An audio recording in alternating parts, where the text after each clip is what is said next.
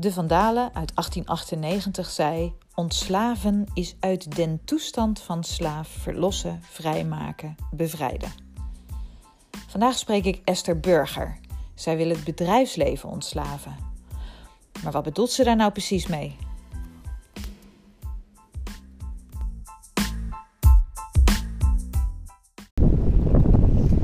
Ik ben Esther Burger, Lead Learning and Development bij T-Mobile.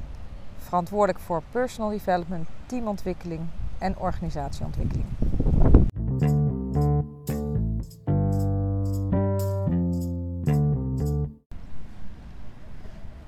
Welkom bij deze nieuwe carrière podcast. Ik ben Fiona Kloosterman en vandaag heb ik Esther Burger te gast. Leuk dat je er bent. Dankjewel. We kennen elkaar eigenlijk al best wel lang. Mhm.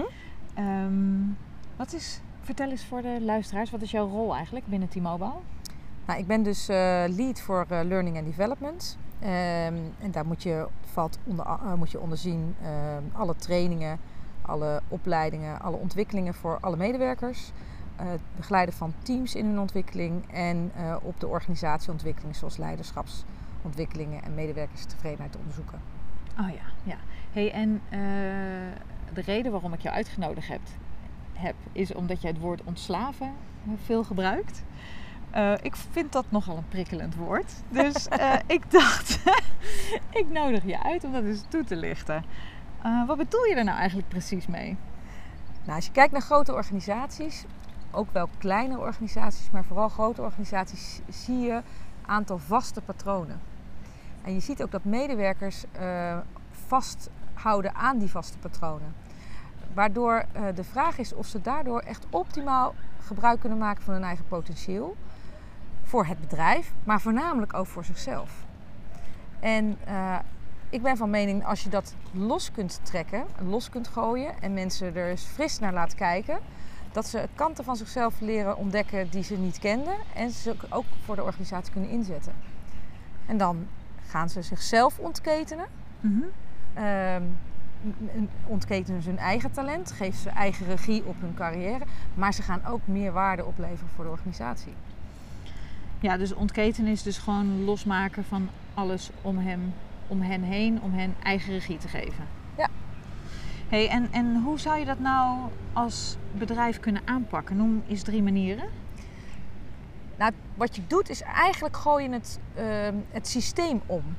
Want als je vindt dat mensen zelf verantwoordelijk zijn voor hun carrière en hun leren en je gaat dat niet meer vanuit de organisatie vertellen, dan moet je dus andere uitgangspunten bedenken. Ja. Eh, en dat, een voorbeeld daarvan, een uitgangspunt, is dat je gewoon goedkeuringen uit zaken haalt. Ja. Wat wij hebben gedaan is dat de goedkeuring voor opleiding ligt niet bij mij als HR, ligt niet bij de manager, maar wel bij de medewerker. En als nou blijkt dat de Gewoon medewerker iets, ja, iets Zonder, zonder maximum. Ehm, daar is een maximum van 1000 euro van die wij gesteld hebben. En wat we hebben gesteld als spelregel, die ze ook heel makkelijk gewoon overal kunnen vinden, is dat het goed voor jou en het bedrijf moet zijn. Oké. En wij werken met volwassen mensen en we vinden dat mensen dat moeten kunnen. En als we denken, hé, hey, wat gek, unusual, gaan we met ze in gesprek. Oké, ja. En zijn er nog andere vlakken dan waar je de, je noemt het de drang naar goedkeuring, hè? hoe je dat eruit haalt? Ja, wat je ziet is dat we wel geneigd zijn om eh, mensen in wasstraten te stoppen en ze te dwingen om aan een training of zo mee te doen. Wij hebben gezegd, we gaan ze verleiden om te leren. Dat doen we door, eh, door eh, het verhaal veel te vertellen, maar vooral te, te branden wat we doen. En zorgen dat zij, als ze mee hebben gedaan, ambassadeur van ons zijn. Ja. Dus verleiden en ambassadeurschap. En hoe doe je dat ambassadeurschap? Eh, door hen het verhaal voor te laten vertellen. En hen te laten posten op zowel de externe of interne social media kanalen. Oh, oké, ja. Ehm, en verleiden, hoe doe je dat verleiden? Want dat klinkt eigenlijk ook makkelijker dan gezegd dan gedaan. Ja, nou ja, jij bent natuurlijk van personal branding. ja. Eigenlijk is, gaat het om het branden van het verhaal. Ja, Ehm, en wat je ziet is dat, eh, dat HR daar ook in opschuift. Ehm, HR wordt, oh, vind ik, ook veel meer een, eh, een eh, expertisegebied die, gaat, eh, die het verhaal van de organisatie, zowel intern als extern, verder gaat vertellen. En dus ook gaat branden, letterlijk met de, de logo's, de kleuren, middelen, die ook een marketeer voor zijn, voor zijn rekening heeft. Ja, wat ik daar dan zelf bij jou heel anders aan vind dan de andere bedrijven waar ik kom, is dat jij eigenlijk gewoon zo bevlogen weer elke keer als er maar weer een training is, dan sta jij weer voor die groep mensen weer het verhaal van de organisatie te vertellen. Ehm, en dat zie ik niet overal. Dat zijn eigenlijk van die kleine momenten die ik zie, die jij pakt om het verhaal te vertellen. Ja, maar dat komt, en dat is misschien nog wel eentje waar we het nog niet eerder over hebben gehad, is dat wat ik vind, is dat je moet je eigen verhaal leven. Ja, Dus het is niet, ik heb een opdracht vanuit de organisatie om de organisatie te veranderen. Ik wil echt van binnen zelf die organisatie zien veranderen. ja, En ik weet dat dat in mijn eh, tijd dat ik hier werk eh, echt niet helemaal af zal zijn. Maar je moet het zelf willen. Je moet zelf echt die verandering willen zijn. En dus begint het bij jezelf. En dus moet ik elke keer mijn verhaal aan iedereen willen vertellen. ja. En daar geloof ik dus zelf ook heel erg in. Ja, en sterker nog, je doet dat met mij als externe leverancier eigenlijk ook gewoon heel goed. Dus waar andere mensen mij gewoon een mailtje sturen en zeggen: Fiona, ik wil je weer inzetten voor onze organisatie. En die houden dat redelijk oppervlakkig. eh, ben jij iemand die eigenlijk gewoon continu mij en volgens mij ook de andere leveranciers aanhaalt om eh, de richting van de organisatie ook met mij te delen. En ja, ik vind dat echt heel gaaf. Ja, maar daarmee maak je. Wat het leuke is, is dat jij dan een onderdeel van de change wordt. Ja, En een training op zich als instrument van verandering is gewoon een bekend fenomeen. ja, Maar als je hem zo wil inzetten dat mensen echt gaan, eh, dit echt gaan, zelf gaan gebruiken, ja, dan moet je daar wel iets meer doen voor doen dan alleen een training op een, eh, een eh, intranet posten. Ja.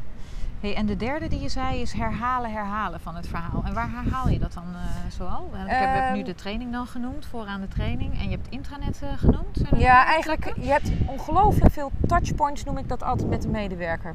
Eh, vanaf het moment op een poster, een, een artikel wat je kunt posten, maar ook de persoon aan de, de koffiebar.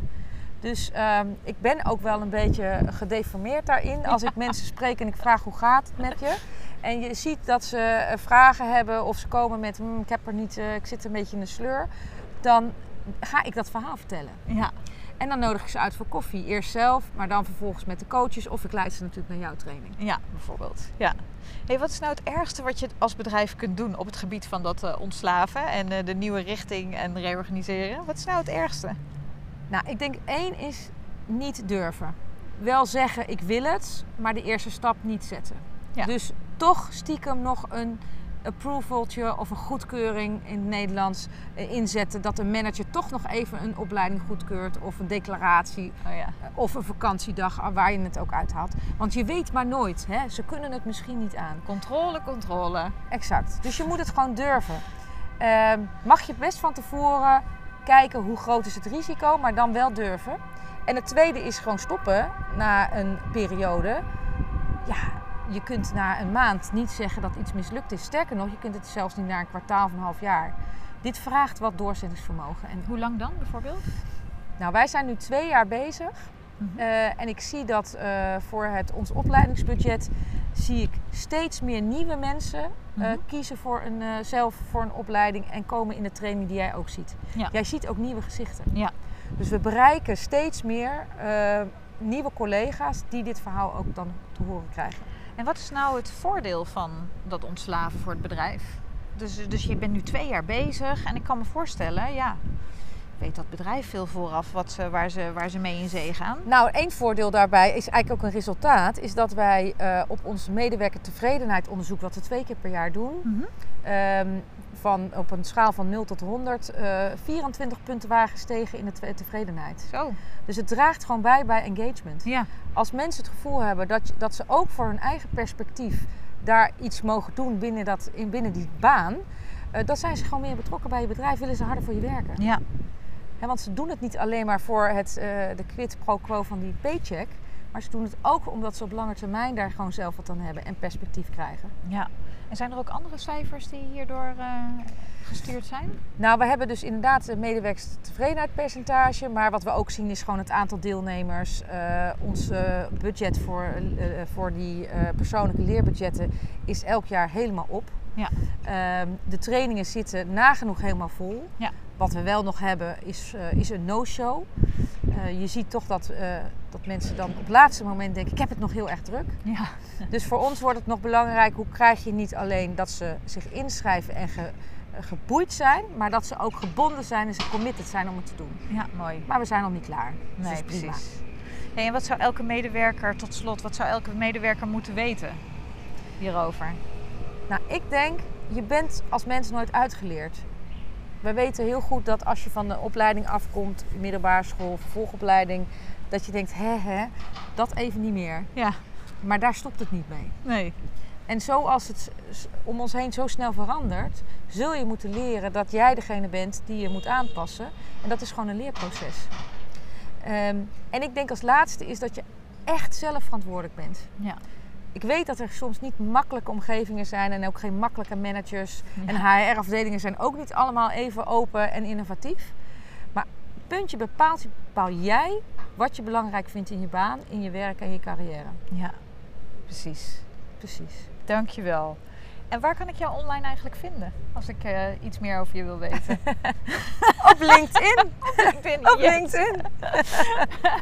Ja, op, op LinkedIn onder Esther Burger. Anne Estenburger. Ja, precies. En als je nou nog wat meer wil weten hoe T-Mobile in elkaar steekt, Ja. kun je ons ook vinden op tmobilecampus.nl. Oké. Eh, daar hebben wij gewoon open gezet en daar kun je lezen hoe wij tegen leren aankijken, wat we aanbieden aan, eh, eh, aan medewerkers. En nou ja, heeft, heeft iemand dan nog een vraag, moeten ze me gewoon even benaderen. Precies, je bent hartstikke laagdrempelig, dus dat komt vast goed. Precies. Dankjewel voor het gesprek. leuk, dat is Ja. heel leuk. Joe.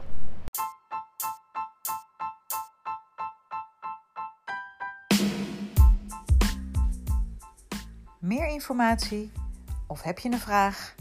Ga naar www.pintapeople.com. Dit was de Carrière Podcast. Tot de volgende keer.